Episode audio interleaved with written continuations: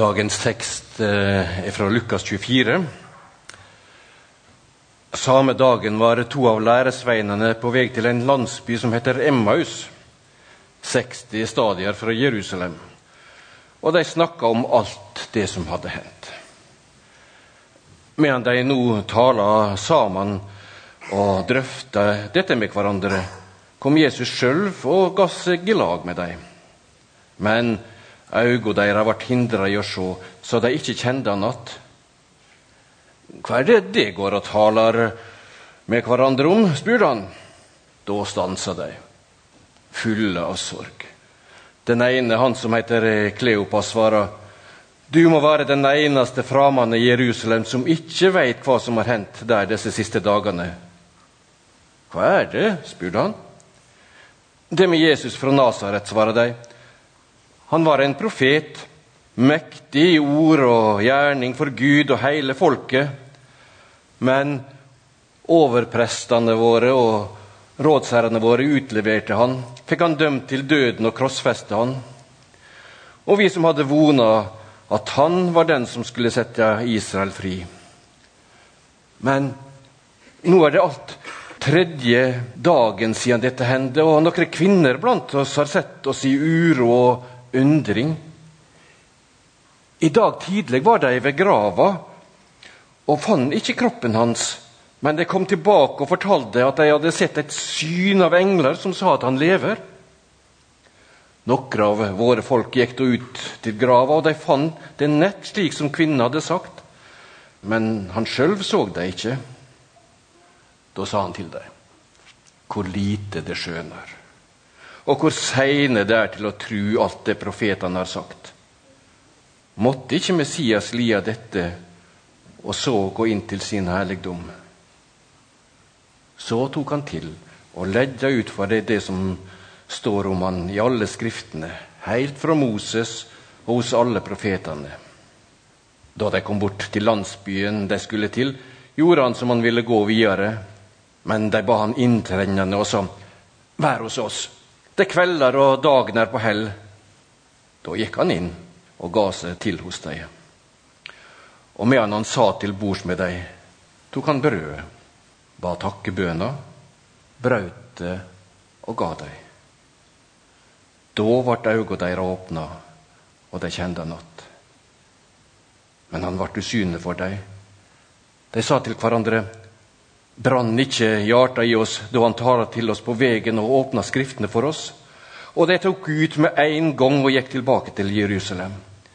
Der fant de alle elleve og vennene deres samla, og disse sa:" Herren er sannelig stått opp og har synt seg for Simon.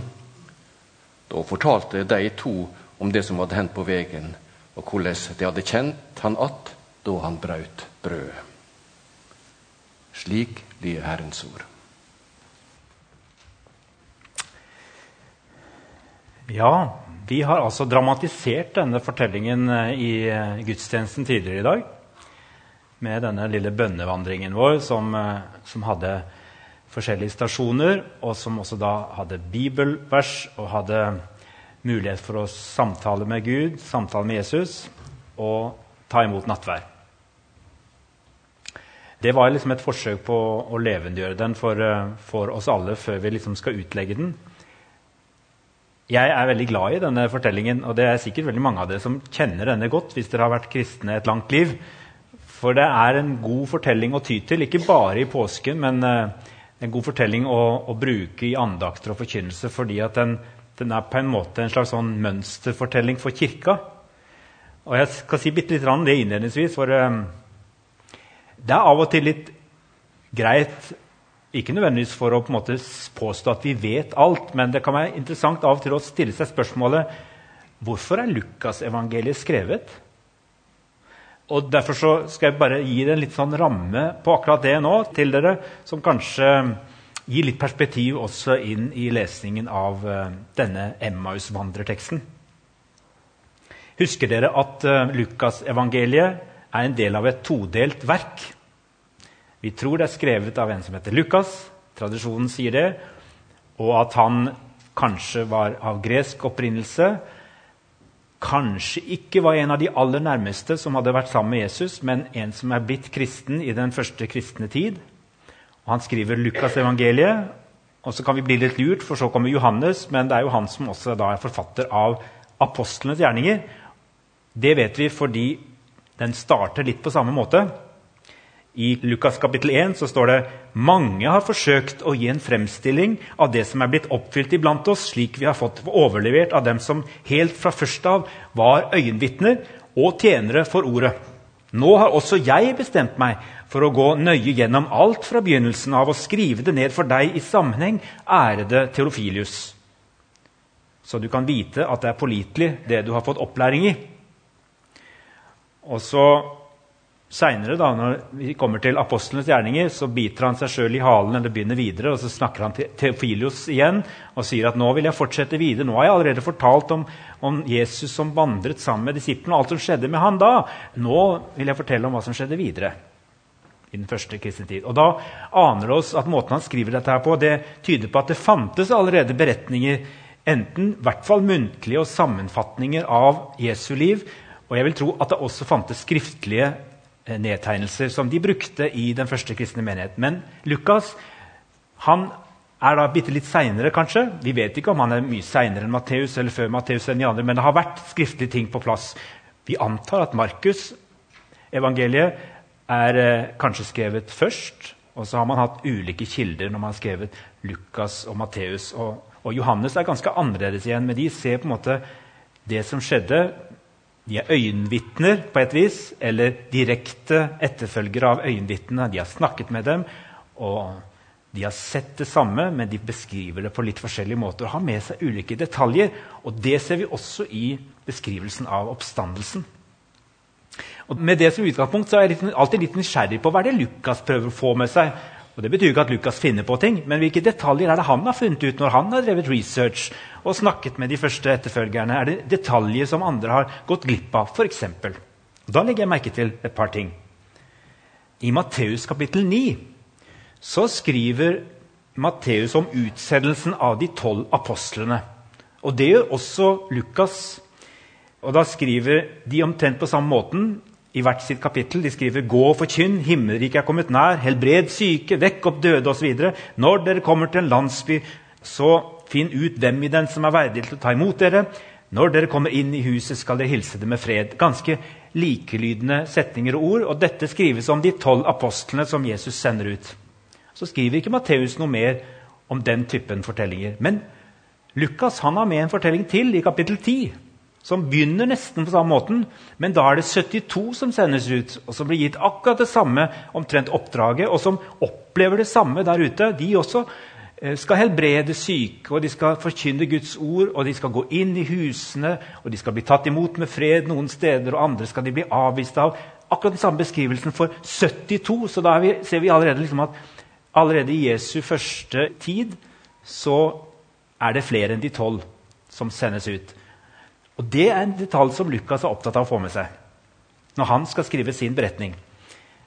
Og Det henger litt sammen med det jeg skal si nå om en detalj også i Emmaus vandrerteksten.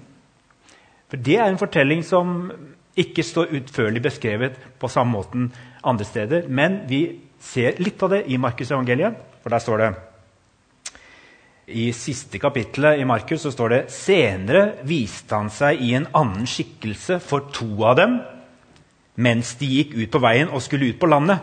Også disse kom og fortalte det til de andre, men de trodde ikke dem heller. Det er den lille detaljen som vi finner i Markus om denne Emmaus-teksten. Men mer får vi ikke vite, verken i Matteus, Johannes eller eh, Markus. Og Så kommer Lukas. Hva gjør Lukas? Han har drevet litt mer research og prøvd å finne ut disse her to, hva var det for noe. Og så har han funnet ut at jo, det er helt sant, det som skjedde der. Og det var Kleopas Kleopas er ingen som husker, men han, noen har funnet ut at det var Kleopas det, som gikk til Emmaus. Han var sammen, han var sammen med en annen. Jeg kommer ikke på hvem det var. Eh, men eh, beretningen går som så, og så forteller de hvordan det har skjedd. Og Hvorfor er det viktig for Lukas å få med denne fortellingen om de 72 som sendes ut etter de tolv apostlene, og disse to Emmaus-vandrerne som egentlig ingen vet hvem er? Nå Se for deg det. At det er en sånn 20-30-40 år etter At fortellingene er blitt fortalt, og de har gått sin gang. Og Mange trodde at Jesus skulle komme igjen innen ganske kort tid. Så de var egentlig innstilt på det ser vi litt i evangeliet, de var innstilt på at Jesus kom igjen ganske raskt. Men det trekker ut dette her, og nye blir kristne og kommer til tro. Det kan til og med hende at det er noen som er barn, eller i hvert fall unge mennesker. Kanskje denne Theofilos, som det står om har fått opplæring i den kristne tro, kanskje av Lukas. Han er ikke så gammel, kanskje. Han er kanskje noen og tjue. Så han er allerede andre generasjon kristen, kanskje. Og nå ser jeg for meg at det er behov for å fortelle evangeliet på nytt. Akkurat sånn som jeg gjør nå. Jeg forteller evangeliet på nytt. Og det er det også evangelistene holder på med. De kunne jo tatt utgangspunkt i akkurat fortellingen sånn som de var. Men det disse fire holder på med, det er å fortelle den på nytt til nye mennesker og i litt nye situasjoner. Og da henter de fram viktige detaljer som kanskje andre ikke har formulert på riktig måte. Eller på samme måte. Jeg hører en viktig detalj i at eh, Vi må jo bare leke oss med tanken på at de første, eller de andre generasjons kristne de eh, begynte å lure litt på dette som eh, de første disiplene snakket om. At Jesus hadde stått opp fra de døde, og at de hadde møtt han ansikt til ansikt. For det hadde ikke de gjort. Jo da, det skjedde helbredelser, og det skjedde store under i den første apostelens første tid. Men Det kan jo hende at ting har begynt å gå seg litt til. Vi vet at kirka vokste veldig raskt. men jeg ser for meg at noen av disse barna til de første, disse første disiplene som kom til etter hvert, at noen av dem har begynt å lure litt. Hvordan var det nå egentlig? Og de opplevde jo kjempestore ting da for 40 år siden med Jesus, men, men hva nå, liksom? Ja, da er det at Lukas må fortelle evangeliet på nytt til Theofilos. Og så må han vektlegge nettopp dette at det er ikke bare de første tolv som skal sendes ut og helbrede. Det var 72, og det betyr at vi alle sammen er en del av dette. Og så skriver han om Emmaus-vandrerne, som også er to som ingen egentlig helt vet hvem er, for å få fram et poeng, nemlig at det er mange som eh, går sammen med Jesus, som gikk sammen med Jesus, og som møtte ham på forskjellige måter. De hadde ulike erfaringer. Dette er den erfaringen jeg også har lyst til å gi deg, Theofilos. Du kan være en av disse Emmaus-vandrerne. Han som ikke har et navn, han kan godt være deg. Ser dere poenget? Dette er forkynnelse. Og Det er derfor Emmaus-teksten er en sånn flott mønstertekst. Som både jeg tror er historisk korrekt, men som også har med noen veldig viktige detaljer om det å være kirke. Noen trekker jo det litt langt, da, syns jeg. For så har vi en diskusjon gående med noen folk i Den norske kirke om vi i bymenigheten har lov til å ha nattvær tidlig i gudstjenesten. Og da er det noen som sier det går ikke an. For Emmaus-teksten er jo en mønstertekst for gudstjenesten, og der ser vi at nattverden kommer til slutt. Det syns jeg er dårlig argumentasjon. Men jeg syns det er veldig viktig at vi kunne gjøre sånn som i starten i dag, og ha nattvær sånn at barna kunne være med. Og så har de fått litt forkynnelse, og så får de noe annet ute. Og Det er poenget med at vi har nattvær tidlig. Men de har jo rett i at det er en mønstertekst. For eh, Hvis dere husker i kapittel 2 i Apostelens gjerninger, som også er skrevet av Lukas, så har vi noe som ofte blir kalt populært for de fire b-ene. Da snakker Lukas om de holdt seg trofast, de første kristne. De holdt seg trofast til apostlenes lære som da er Bibelen, eller det som på en måte var Gammeltestamentet, og læren til Jesus, og fellesskapet, som måtte oversettes med brorskapet for å få en B til å stemme, til brødsbrytelsen, som da betyr nattvær, og bønnene, som var faste eller frie bønner som de kristne ba sammen til Gud i fellesskapet eller alene. Dette er de fire b-ene, og de ser vi i Emmaus-teksten. Dette er det kristne livet i praksis. To mennesker som går langs veien og snakker med hverandre og har fellesskap. Og som eh, stiller hverandre spørsmål, og som gjennom det å snakke med hverandre i litt tvil og vantro, men også tro, fordi de driver og prøver å finne ut av ting, så er Jesus der ved siden av dem. Og Det er det vi tror at skjer i Kirken når to eller tre er samla i hans navn. Det er ikke alltid vi engang er bevisst på at han er der, men plutselig så kommer han og går sammen med dem og hva er det han gjør? Han åpenbarer seg. Og hvor er det han åpenbarer seg? I en av b-ene i Bibelen. Han forklarer at det står om meg i Bibelen der og der og der. Og sammen så begynner de å forstå at Jesus er faktisk levende. Det står om han i Det gamle testamentet. Og de begynner å rekapitulere det han faktisk forkynte mens han gikk sammen med dem. Det er dette som gjenfortelles i gudstjenester i år etter år etterpå. Hva var det egentlig Jesus sa om seg selv, både før og etter oppstandelsen? Og Det betyr at han er med oss nå fortsatt. Så Bibelen er det stedet hvor han åpenbarer seg. Og så, I og med at de snakker med han, så manifesterer de bønnen, som er samtale med Jesus, som er relasjon med Jesus, som ikke er så veldig hokus pokus. Det er å snakke med en levende, oppstanden frelser. Og Det er bønnen. Og så kommer de til Emmaus, og så tar de han med inn, og så bryter de brødet sammen. Og det er nattværen. Og da er det jo et helt tydelig poeng for Lukas å si at da var det akkurat som om han ble ekstra levende eller tilstedeværende for dem. For det er akkurat som om nattværen er litt magi. At der er Jesus Kristus til stede, helt konkret. Og Det opplevde de der og da. Og no, i noen glimt så får kanskje vi også oppleve at nattværmåltid er mer enn bare hverdag, men at det er fest, at vi kjenner her var Kristus til stede. Jeg har opplevd det av og til, men det er like sant uansett om vi ser det og erfarer det så sterkt som disse disiplene gjorde den dagen. De sprang opp. Nei, men nå var han borte. Ok, Et glimt så var han der, fullstendig tilstedeværende. De var helt sikre på at det var han. Men litt uangripelig likevel, sånn troen er. Han er ikke fysisk helt direkte til stede. Så det er i tro fortsatt at de springer tilbake til Jerusalem og forteller de andre vi har sett han. Jeg tror han har vært der. Han lever. Mønsteret i den kristne kirke til alle tider. I fellesskapet så tviler vi, tror vi, spør hverandre hvordan er det dette henger sammen. Og uten å være klar over det, så er Jesus der med oss. Og så deler vi brød og fellesskap, Bibel og bønn. Hvordan er det dere møter Jesus i dag? Hvilke steder kan Jesus møte dere i 2023? Det er sikkert mange flere eksempler enn det som jeg nevner her, men litt med utgangspunkt i denne enkle teksten, som, som ikke byr på så voldsomt store manifestasjoner og helbredelser. og sånn. For jeg tror det er Lukas sitt poeng, selv om han skriver mye om det også, både i Lukas og i apostlenes gjerninger. Jeg tror det er et poeng for han å vise noe av hverdagskristendommen. Og da kan det være i samtalen med en eller flere andre som også leter etter svar. Jesus er til stede.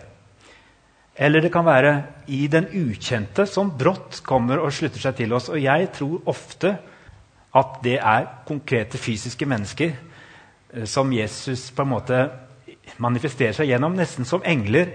Jeg har opplevd at det ukjente mennesker plutselig blir en del av vandringen min.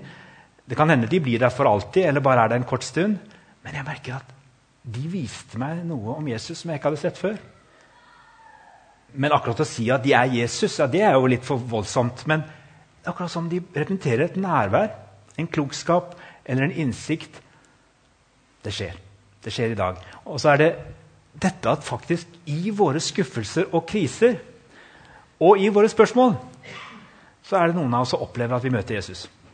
Ikke alltid, men det at vi på en måte våger å snakke om det, og så er han der ved siden av oss, og så kan vi på en måte sammen undre oss og så viser han oss Bibelen gjennom hverandre.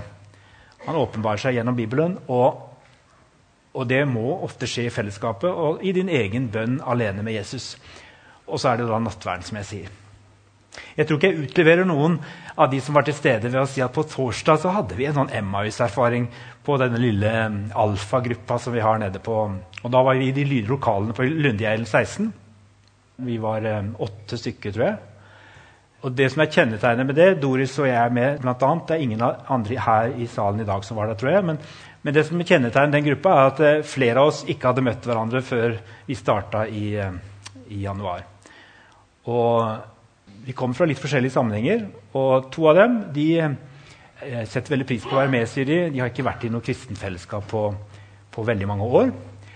Og så er det andre som på en måte har hatt litt forskjellige erfaringer med fellesskap. Og så er vi sammen der nede.